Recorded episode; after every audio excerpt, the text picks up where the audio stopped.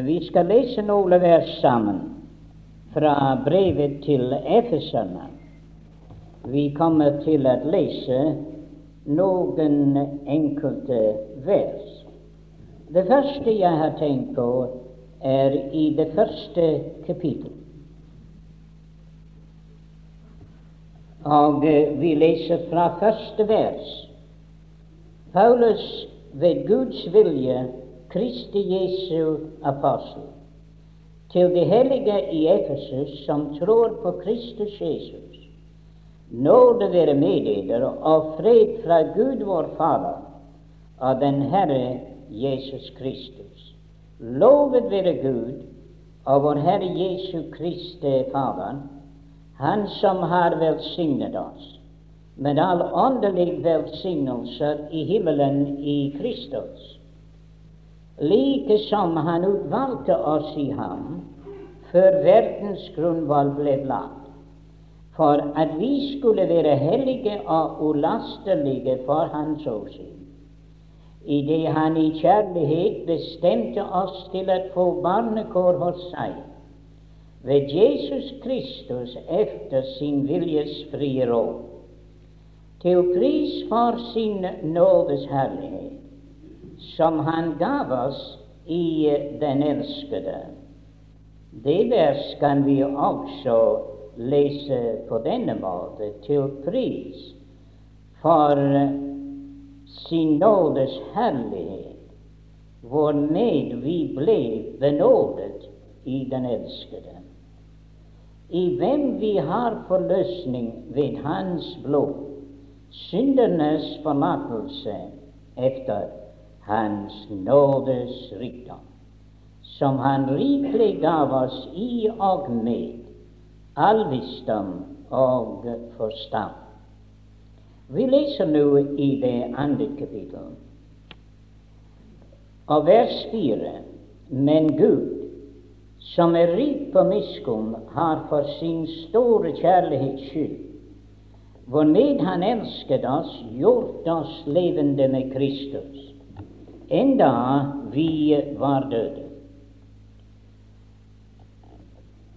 Ved våre overtredelser av nåde er i freds og oppvakt oss med ham, og satt oss med ham i himmelen, i Kristus Jesus, for at han i de kommende tider kunne vise sin nådes overvettes rikdom i godhet mot oss i Kristus Jesus. For av nåde er de frelste ved tro, og det er ikke av eder selv, det er Guds gave, ikke av gjerninger, for at noen skal rose seg. Les nå i det tredje kapittel. I det tredje kapittel, og vi kunne lese i, fra første vers.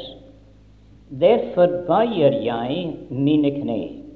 Jeg, Paulus, Kristi Jesu fange, for eders skyld i hedninger, om I ellers har hørt om husholdningen med den Guds nåde som er meg givet for eder, at Han ved åpenbaring har kunngjort meg hemmeligheten, således som jeg ovenfor skrevet med få år hvorav I, når De leser det, kan kjenne min innsikt i Kristi hemmelighet, som i det forrige tidsaldre ikke er blitt kunngjort for menneskenes barn, således som den nå er åpenbaret for Hans hellige profeter.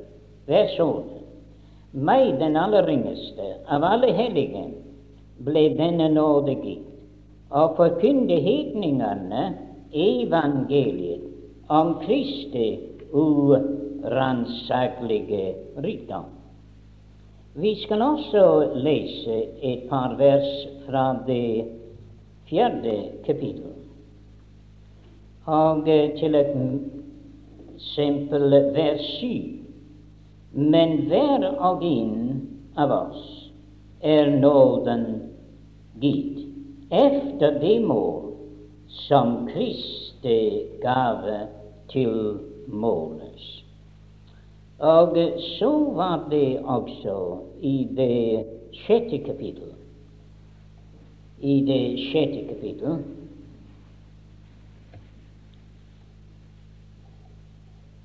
Og der ved eh, det siste vers, 24, nåden være med eder alle, som hen elsker vår Herre Jesus Kristus i uforgjengelighet. Nå må Herren da rikelig velsigne for oss lesningen av sitt dyrebare ord. Den tanke som er fremfor meg i aften, er i forbindelse med et av de herligste emner som fins i Bibelen. Det er i forbindelse med dette emnet om nåd. Det er enestående å se i Det nye testamentet vår at dette ord er så ofte nevnt. Spesielt tenker jeg på Romerbrevet, hvor vi finner at rettferdiggjørelse er av nåde. Og så i dette brev som vi nå har lest fra, Efeserbrevet, der hvor vi også finner at det er av nåde. Men tanken er annerledes. Det er ikke så meget rettferdiggjørelse, men det er tale om alle de rike velsignelser som blir oss til del, nettopp på dette grunnlag av nåde, uforskyldte nåde. Det er jo et herlig ord, dette ordet nåde. Men Gud har brukt det nettopp så at la oss vite at nåde er noe der er kommet fra himmelen. Det stod i begynnelsen av brevet om nåde. Det stod i enden av brevet om nåde.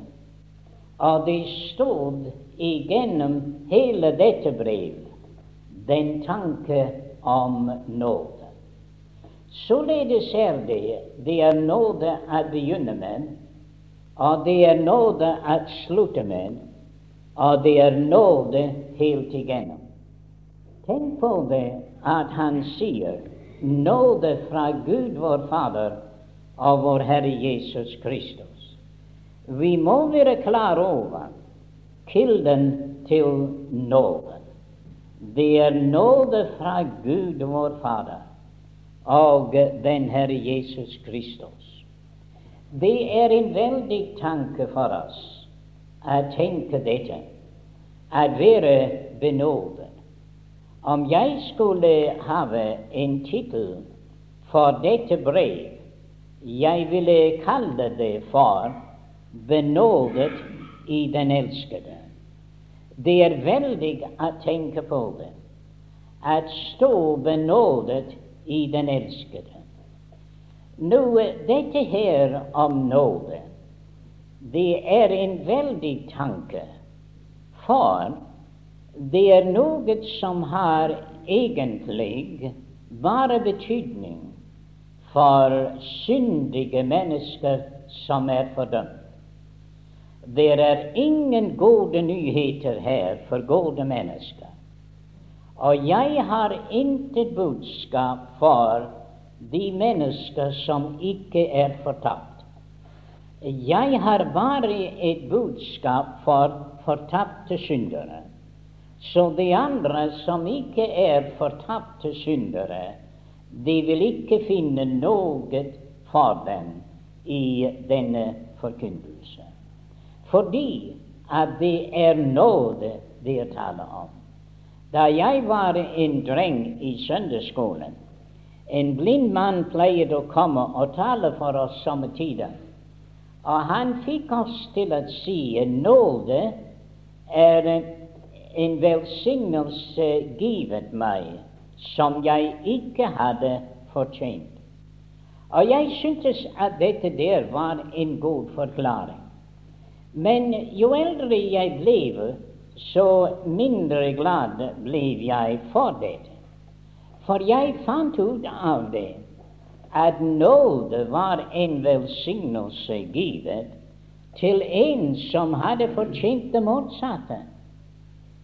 Se, saken er jo den at nåde er for folk som har forspilt hver eneste rettighet. Og du og jeg er heldig fortjenende syndere.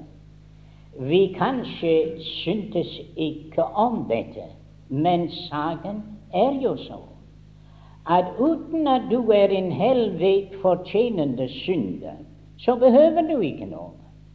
Så det er ikke noen budskap for deg. Du husker du har lest om to der gikk opp til tempelet for å bede. Den ene han var fariseer, og den andre han var toller. Og disse to begynte å be. Men i virkeligheten jeg ser ikke noen bønn i uh, fariseeren. Uh, det var en takkebønn, men ikke en takkebønn til Gud, annet enn at han takket Gud for at han var ikke som andre mennesker, og ikke så dårlig som denne toller der. Ja, den mann, han trengte ikke til nåde. Det var ingen bruk for nåde i hans liv. Han var god nok, og han mente han sikkert kom til himmelen, og var takknemlig for at han var ikke et dårlig menneske. Men den andre hans kunne ikke løfte øynene opp. Han sier, Gud, vær meg synder nådig. Herren sier, den mann gikk hjem til sitt hus rettferdiggjort. Ja, den bønn ble hørt i himmelen. Den handen kunne ikke høres i himmelen, mine venner, fordi at det var ingen bønn i det. Men Gud vær meg synder nådig. Dette er noe som interesserer Gud. Og jeg tror ikke at det er en sjel der virkelig i ærligheten roper til Gud om nåde uten at de får det.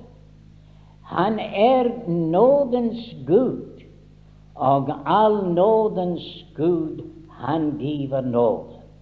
Så at hver sjel som virkelig råper til Gud om nåde, han nettopp får den nåde som han trenger til.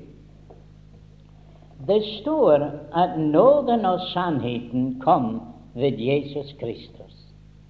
Det er veldig for oss å tenke på dette. Hvordan kom nåde, sier du? Den kom ved Jesus Kristus. Den er nåde fra Gud, leste vi i det første vers.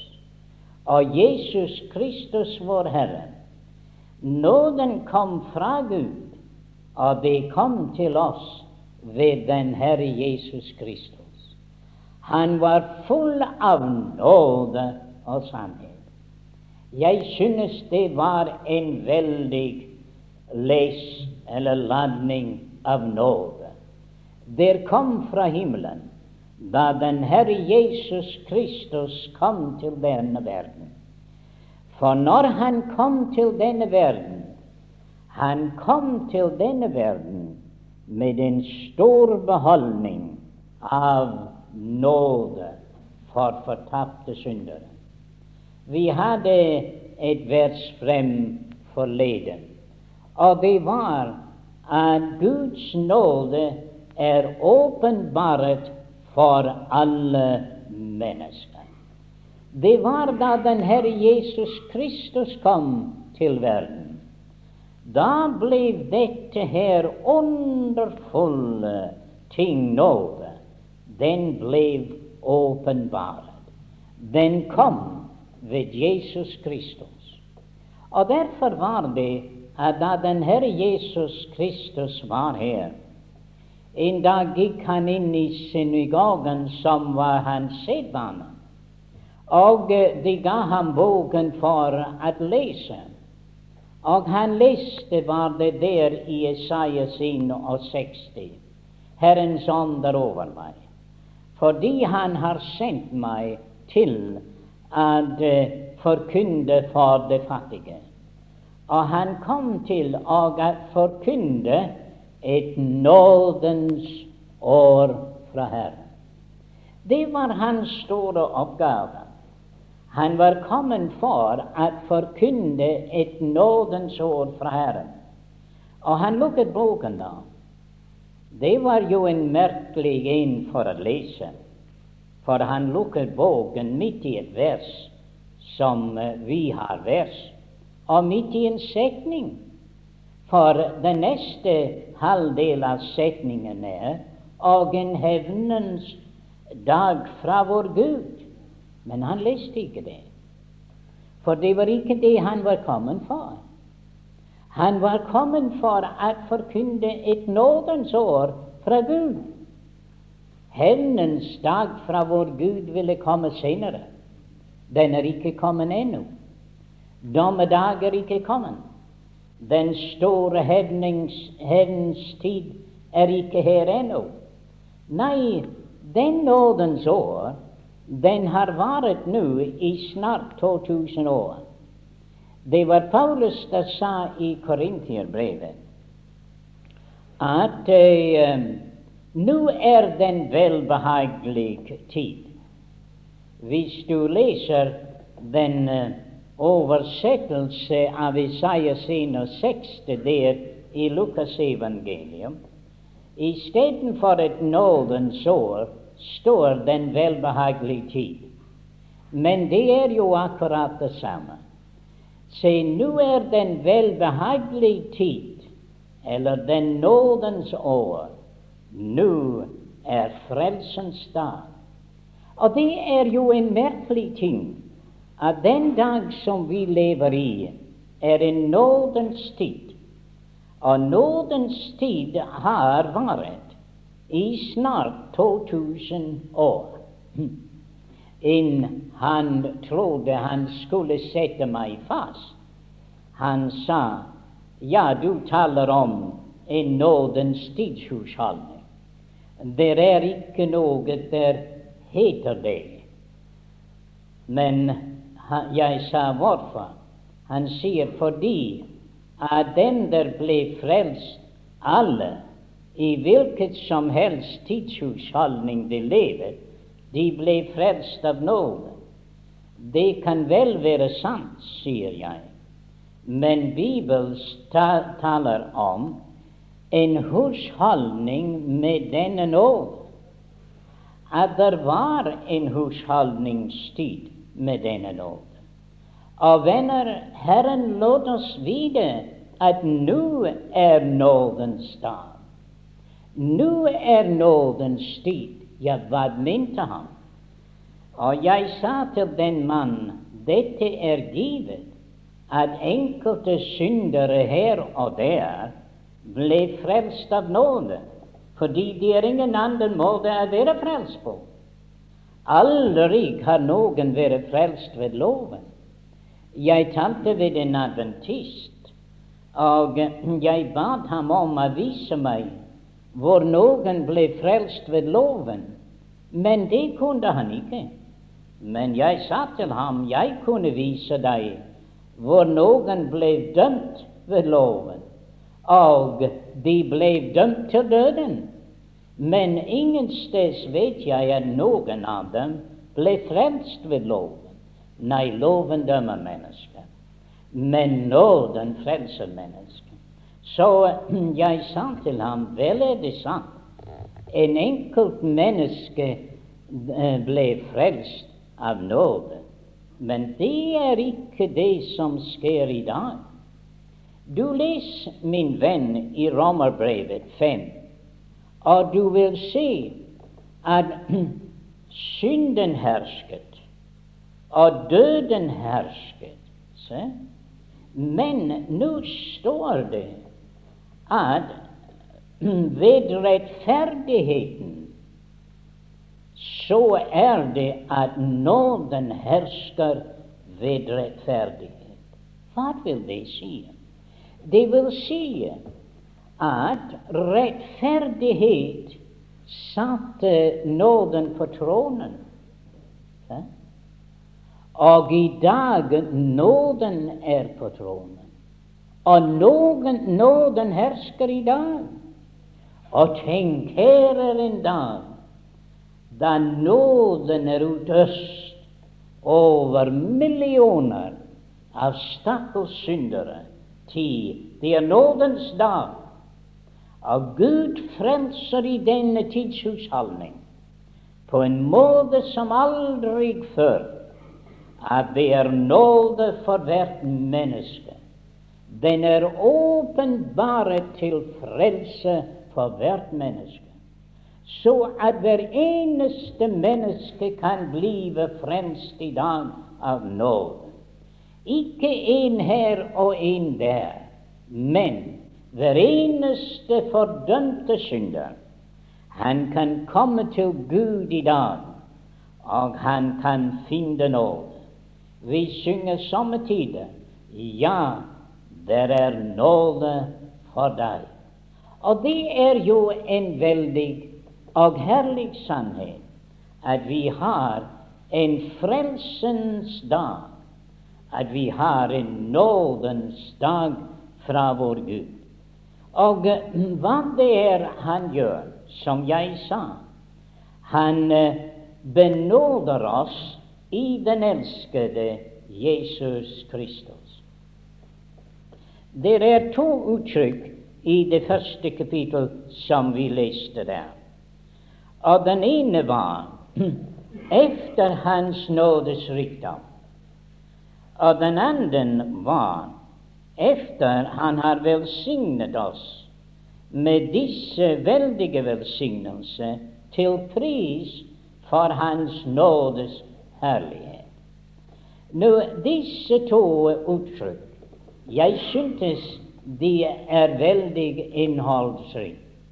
Den ene er Hans nådes rikdom, og den andre er til pris for Hans nådes herlighet. Det syntes meg at når jeg leser Efeserbrevet, at det er Hans nådes rikdom som er fremstilt på en særlig måte. Det vi leser i Korinterbrevet I kjenner den Herre Jesu Kristi nåde, at Han som var rik, for vår skyld han ble fattig, for at vi gjennom hans fattigdom skulle være rike.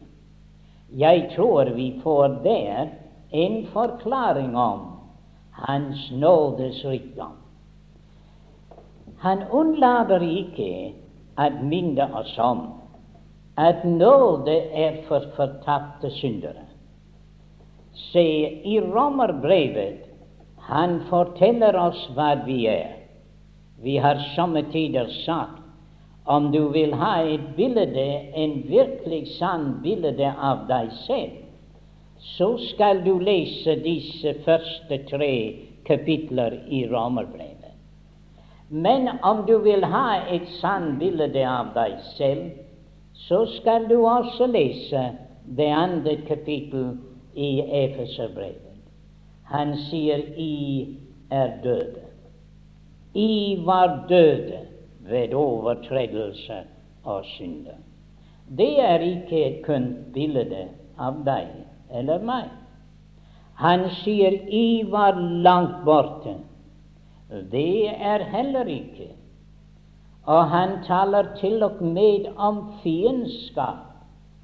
Og han taler om å være uten håp og uten Gud i denne verden. Kjære venner, Fordømte syndere har intet å rose seg av.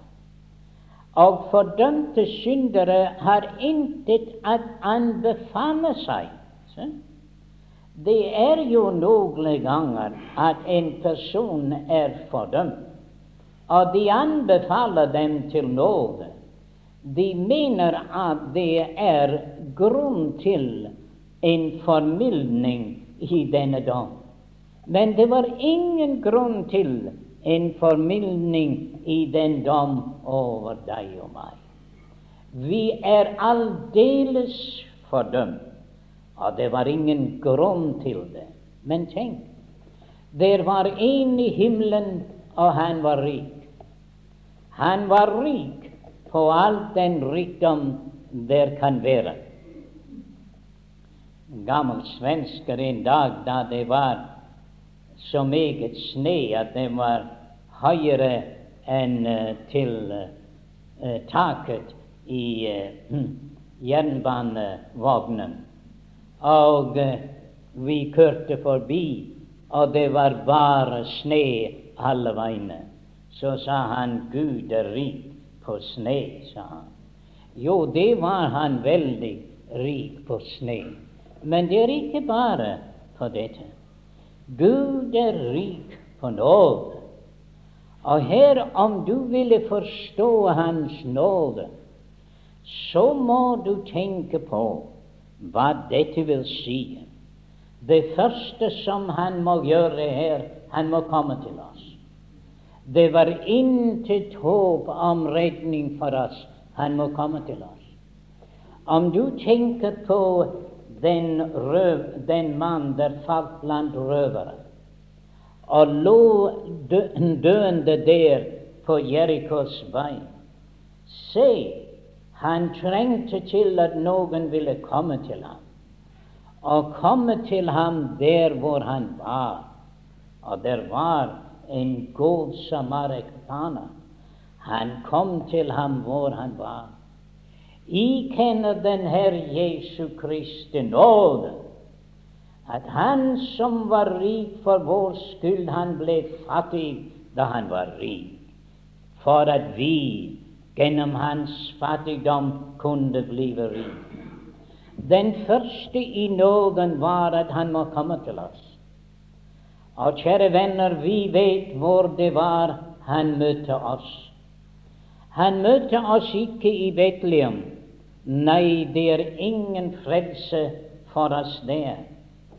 Han møtte oss ikke endog i Getsemane, for det er ingen frelse for oss der. Men han møtte oss i dybden av Golgata. Ingen har vært så fattig som den Herre Jesus. Hvem er så fattig at han ikke har et hjem og et sted å helde hovedet til? Men Jesus sier menneskesønnen. Han har ikke sted å helde hovedet til. Og hvem er det det er så fattig at han har ingen ernæring, at han er avhengig av at andre de sørger for ham. Han sier 'vis meg en penning', og det synes meg at Herren han gikk igjennom denne verden uten å røre med dette der.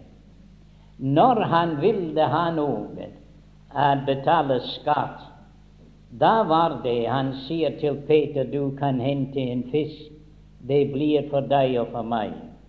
Jeg tror neppe at det var nødvendig han skulle gjøre det, men han vil ikke ha noen diskusjon om det. Men når han ville eh, diskutere om penning, og de stillet et spørsmål, så sier han 'vis meg en penn'. Og eh, hvis navnet er der, og hvis bildet er der, og det er keiseren, sier det. Ja, så gi keiseren hva keiseren tilkommer, og Gud hva Gud tilkommer. Men kjære venner, han vandret som fattig den igjennom denne verden. Og de kvinner der fulgte der, det var dem de støttet ham med deres formue. Den Herre Jesus vandret som en fattig mann i denne verden og vandret iblant fattige folk. Men hvem er så fattig at han ikke har venner? Men den Herre Jesus ble så fattig at en dag hans venner forlot ham. De alle forlot ham og flyktet, og han var alene. Ja, men hvem er så fattig at han ikke har Gud til sin venn? Men Jesus sa, min Gud, min Gud, hvorfor har du forlatt? Han gav sitt livs. Han gav sitt alt for deg og for meg. I kjenner den Herre Jesu Kristi nåde. Han måtte komme til Golgatas kors. Og her er det store at det var der hvor rettferdigheten og vår fred de kysset hverandre. Se? Her er det ved Golgatas kors all Guds herlighet og rettferdighet og oppriktighet og alt der var i Gud, der var imot oss. Den møtte med alt der var i Gud, der var for oss. Hans kjærlighet og hans rettferdighet, de omfavnet hverandre. Og da ble det, hadde jeg nesten sagt, en ny produkt. Og hva er det? Det ble nåde. Ja? Nå, nåde er ikke bare kjærlighet. Nei. Kjærlighet er noe for seg selv. Men nåde har i seg også rettferdighet. Men den har også kjærlighet. Se, David var kjærlig, men han øver kjærlighet på rettferdighetens bekostning. Absalom, han burde dø. Se? Men David tok ham tilbake til Norge uten at dommen var satt over mannen og utført over ham. Se, det var kjærlighet på rettferdighetens bekostning. Men det kan Gud ikke gjøre. Nei. Gud kan ikke benåde deg uten at dommen er utført. Den skal utføres. Og dommen ble utført på Golgates kors. Så der var det at Guds kjærlighet Se, Guds rettferdighet forlangte et offer. Og Guds kjærlighet brakte dette offer. Og der på Golgates kors vi ser at hva Guds, Guds rettferdighet forlangte, at Guds nåde anskaffet, og Kristus ble en soning for våre synder. Han kom til oss, og han møtte oss der, og han kunne møte oss i nåde. Så kjære venn, du behøver ikke å være redd for Gud. For dette kors er blevet en nådestål i hans blod. Her kan du møte Gud. Du kan møte ham ved nådestålen. Kjære venn, kom der, og du skal finne at det er nåde for deg. Så jeg er glad for at Golgates kors er en nådestol, og at hver synder kan møte Gud der, og kan møte Gud og få nåde. Og tenk hvor veldig. Men nå sier de også nåde efter at det er efter Hans nådes rikdom. Ah, glem ikke dette. At Gud er rik på nåde. Og om du kunne forstå den rikdom i Guds nåde, så tror jeg det vil gjøre oss alle sammen overmåte glad. Gud er rik på mange områder, men vi er glad som fortapte syndere at Han er rik på nåde.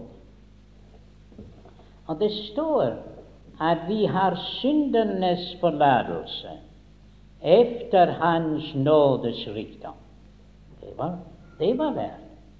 Efter Nå legg merke til det står ikke ut av Hans nådes rikdom, men efter Hans nådes rikdom. Og det er en veldig forskjell. Se, om eh, vi taler med en amerikaner det har millioner av dollar, og vi forteller ham om en god sak, og vi sier til ham om han ikke kunne tenke seg å give noe, jo, så tar han en fem dollar, og han gir oss det. Ja, det var ut av hans rikdom, ikke sant? Ja, men det var ikke etter hans rikdom.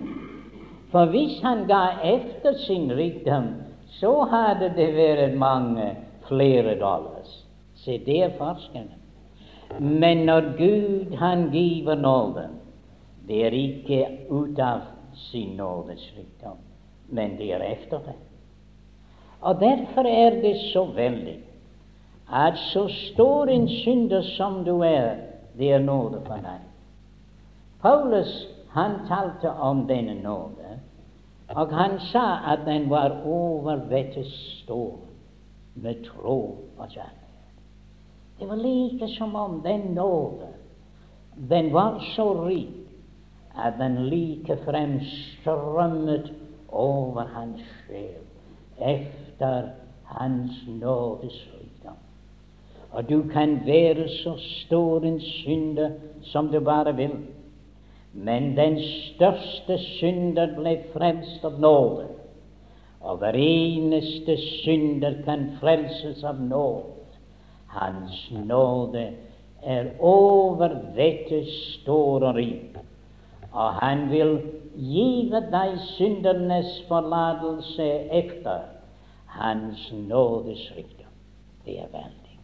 Så kjære venn, kom til den frelser og du vil få en benådingsbrev.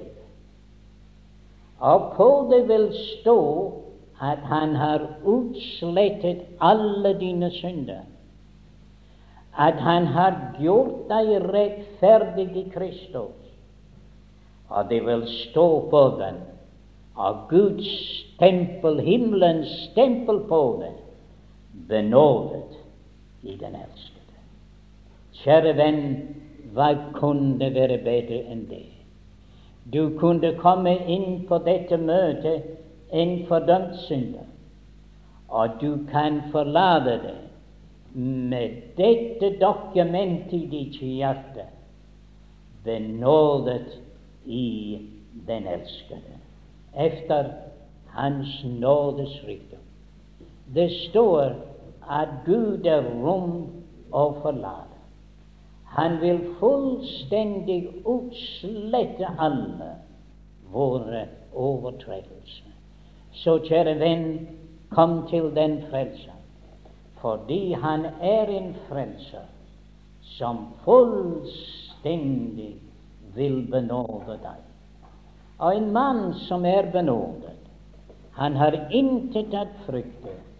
Dommen er forbi og det er ingen fordømmelse for dem som er i Kristus Jesus.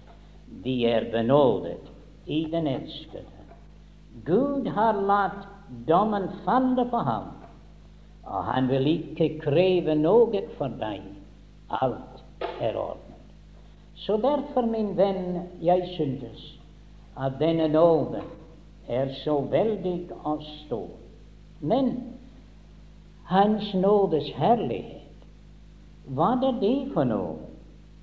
Den mannen som talte med mannen på Jerikos vei og hjalp ham, han sa ikke til ham nå, se her, nå uh, har jeg gjort en hel del godt for deg, så må du se til å komme på ben og se til å komme til Jerusalem og aldri komme inn på den vei igjen.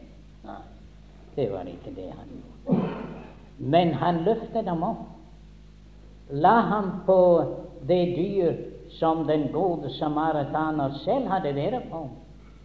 og førte ham til en, et herberge. Og så betalte han losji for den mannen der. Og han sa, hva mer det er, når jeg kommer igjen, så skal jeg også klare det. Han tok fullstendig kontroll. Se, det var jo Hans nådes herlighet. Og det er dette han lovet å komme igjen. Han tilføyet ikke at hvor jeg er, der skal du også være.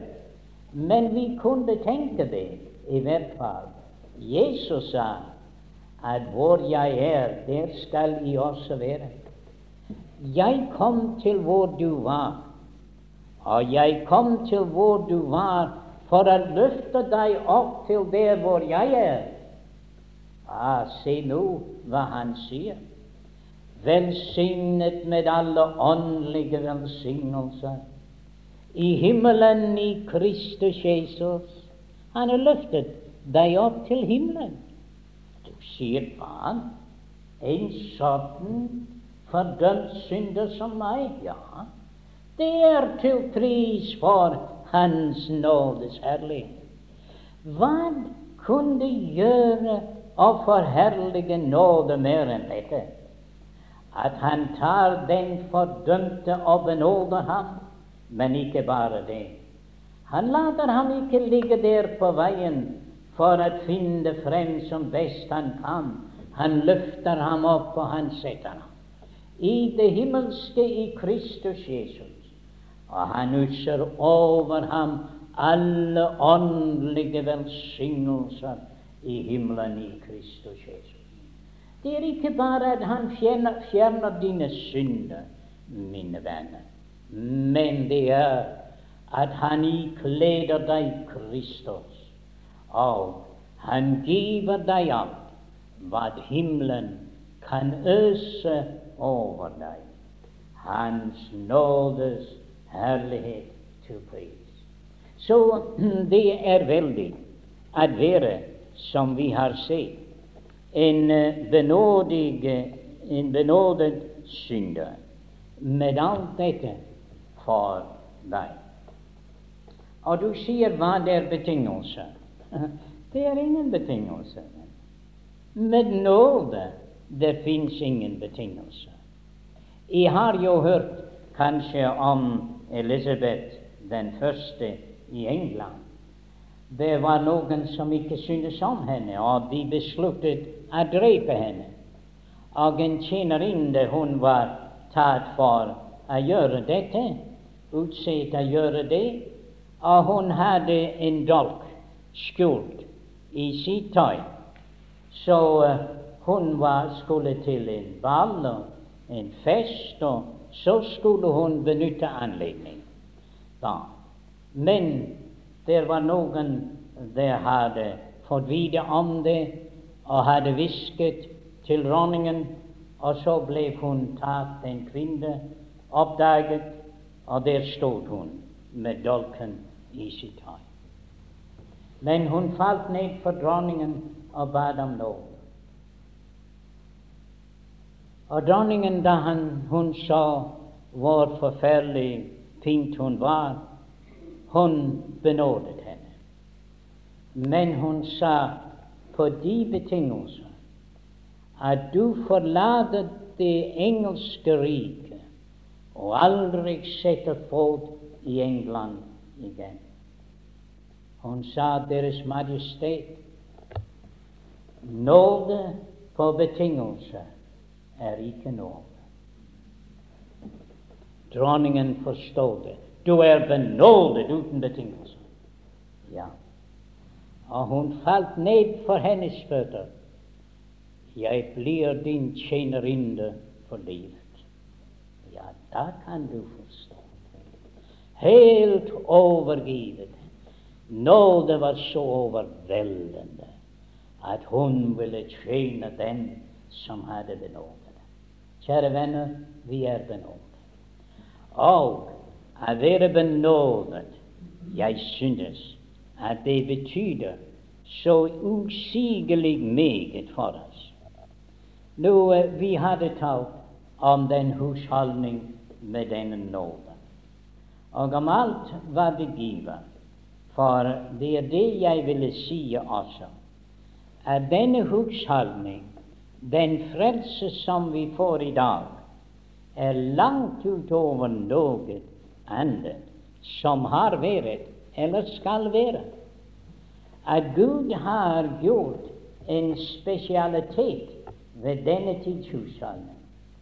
At dem som han tager til nåde i dag, han løfter dem opp for å være Kristi brud og være hos ham i vinterlig.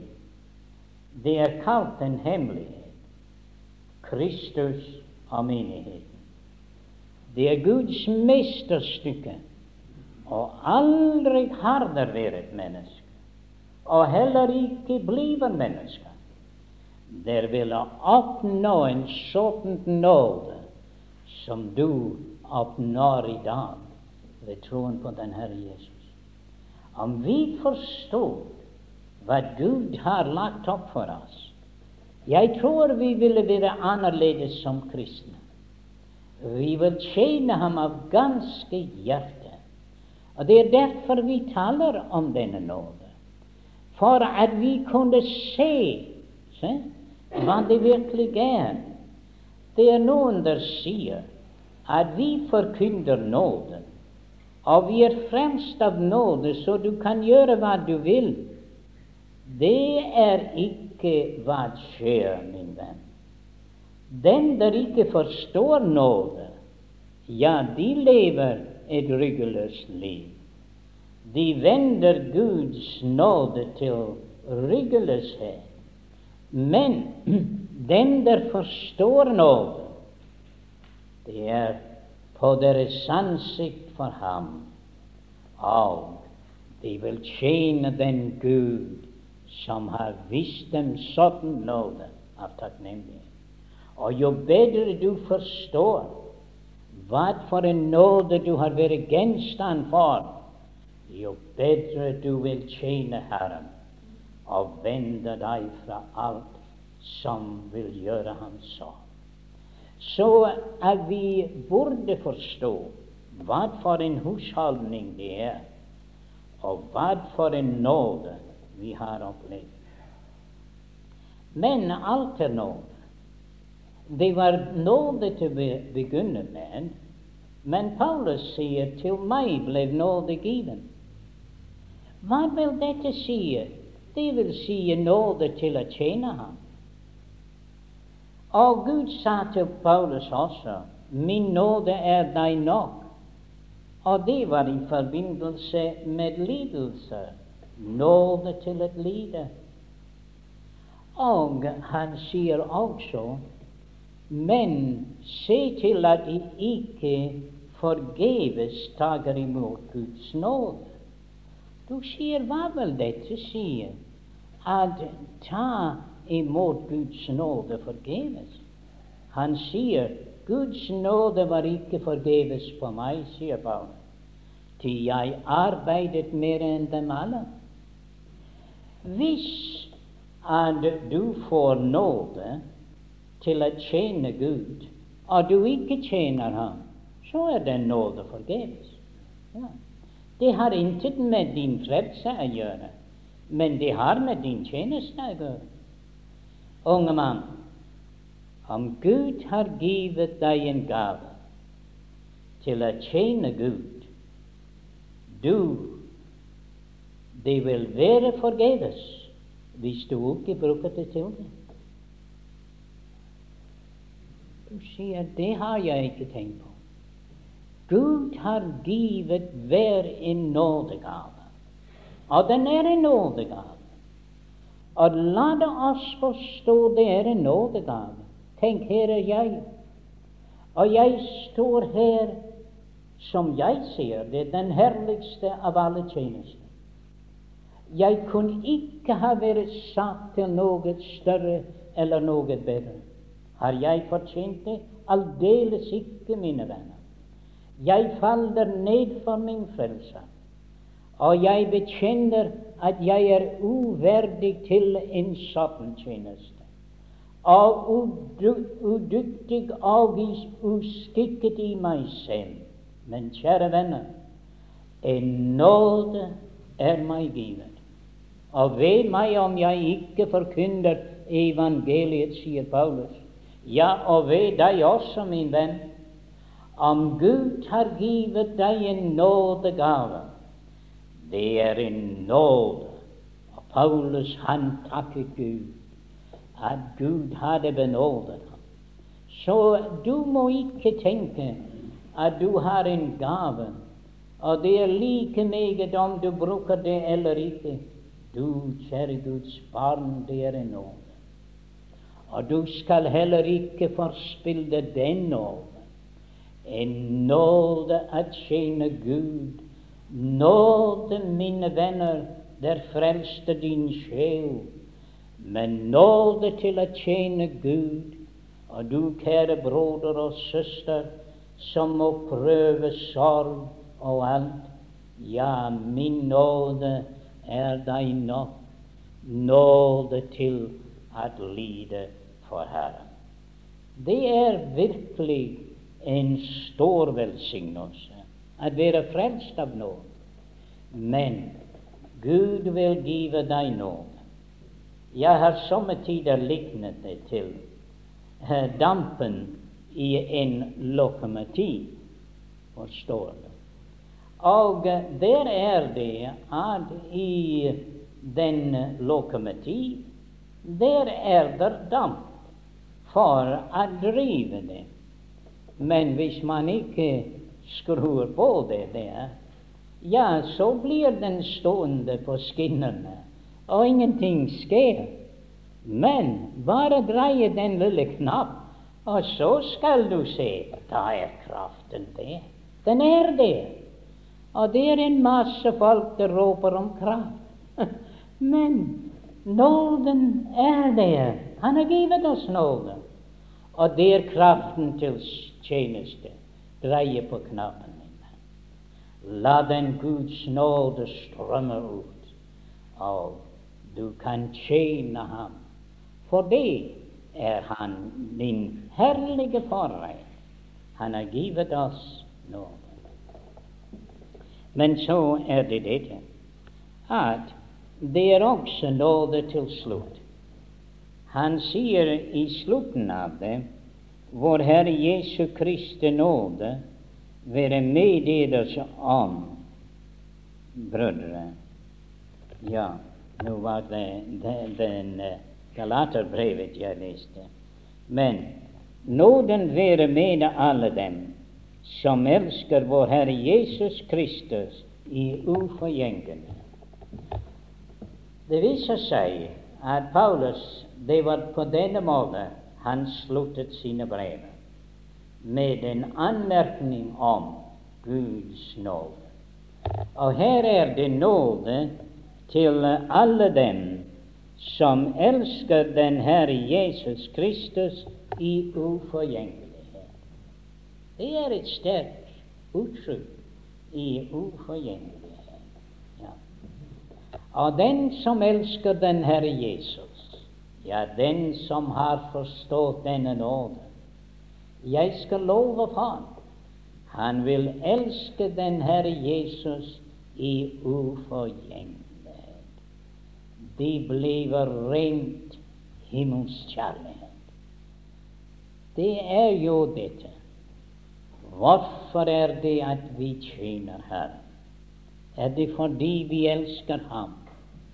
Eller har vi andre motiver, endog i vår tjeneste? Og la det alt sammen falle. Den eneste motiv i tjenesten er at vi gjør det fordi vi elsker ham. Det er fordi han har benådet oss, at vi vil leve for ham, og vi vil tjene ham. Så det er nåde også til slutt. Men nåden har en fremtid. Jeg talte ikke om å være frelst av nåden. Det kunne være et emne for seg selv, fordi at det forteller hva nåde gjør for oss som en frelsende krav. Men uh, tiden tillater det ikke. Men la oss understreke bare til slutt. I det andre kapittel av vers 7 vers 6, og oppvakte oss med ham og satte oss med ham i himmelen i Kristus, for at han i de kommende tider kunne vise sin nådes overvettes rikdom, i godhet mot oss i Kristus Jesus. For av nåde er I frelste ved tro, og det er ikke av eder selv. Det er Guds gave, ikke av gjerninger, for at ikke noen skal rose seg. Vi synes å være benådet. Det er stort av velsignet. At være velsignet av denne nåde, så rikdom, beriket av denne nåde. Men også at blive løftet opp til den høyde og den herlighet av denne nåde. Alt dette er stort og at have en gave gjennom denne nåde. En gave til å tjene Herren og at lide for Herren. Det er virkelig verdt. Og at til slutt det skal være nåde hele veien. Inntil enden av vår reise. Og det står om den nåde der skal være oss til del i Jesu Kristi åpenbarelse. Det er noen der forskrekker de troende, og de sier ja, ja, du er frelst av nåde, men hvis du ikke er rede når Herren kommer, så vet jeg du blir tilbake. Og de sier det er bare det åndsdøpte som de mener, som går. Jeg tror det også. Det blir bare det åndsdøpte. Men jeg tror at alle Guds barn i en ånd er døpt inn i Kristi. Så at når Herren kommer, så går de alle sammen. Lovet være Hans navn. For det er den nåde der skal være oss til det. I Jesu Kristi åpenbaring, ikke fortjeneste. Ah, no. De forstår ikke nåde. Det taler på denne måten at de gjør noen av de ting som Herren har gjort eller vil gjøre for oss, av fortjeneste. Aldeles ikke. Det er nåde over nåde. Nåde fra førstelslys. Og vet du hva? Nåden skal fortsette inn i evig. For det står i det kommende tider Sier du, vet du noe om de kommende tider?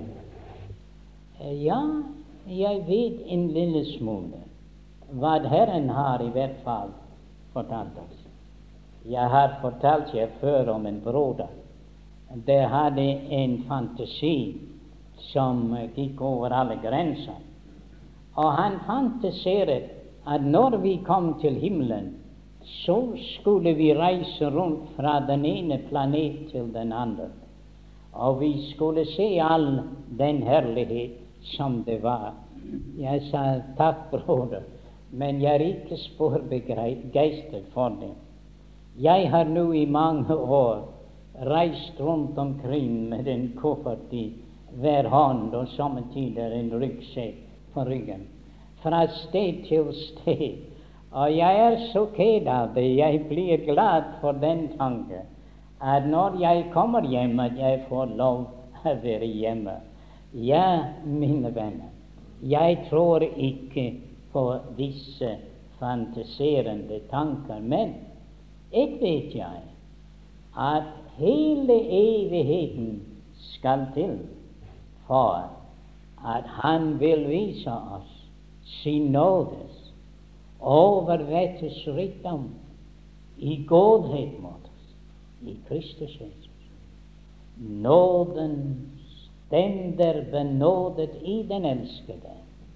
Vi har også en fremtid. Så vi har virkelig grunn til at prise den Herre Jesu Kristi nåde.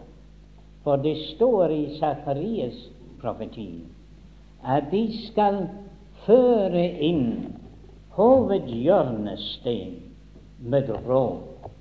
Nåde, nåde til deg. Nåden skal legge hovedhjørnesten i himmelens herlighet. Hans nådes herlighet til pris med millioner av dyrebare sjeler der har gjort alt så de kunne være i helvete, men de er frelst av nåde, og de står for Hans åsyn i herlighet, Hans nådes herlighet og pris. Så Gud, mine venner, er all nådens Gud.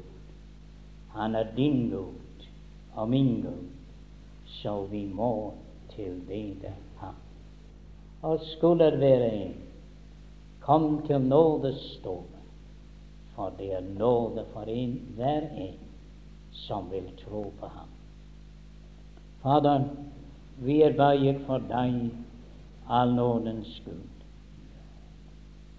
Og det er dette det gjør at våre hjerter jubler, at du kunne være nådig mot sånne syndere som vi. Ikke bare er frelst men tenk at du har løftet oss opp til deg selv. Og tenk, Herre, at du har givet oss en tjeneste, så at din nåde jeg får lov til å stå på denne talerstolen og anbefale din nåde til mine medmennesker. Å Gud, vår herlig. Men å, for en dag når vi ser deg som du er, og når den veldige strøm av nåde skal velde frem i evighetenes evigheter, de kommende tider, med all din nådes rikdom og godhet imot oss i Kristus Jesus. Å Gud, for en nådens Gud du er. Vi tilbeder deg, og vi ønsker at den nådes kraft du giver oss, må ikke være forgjeves, men at vi må tjene deg av hele vårt hjerte i kjærlighet, inntil den dag vi ser deg som du er. Takk for denne stund, at vi kunne meditere på din nåde. Og Fader, velsign det for oss hver især i vår Herres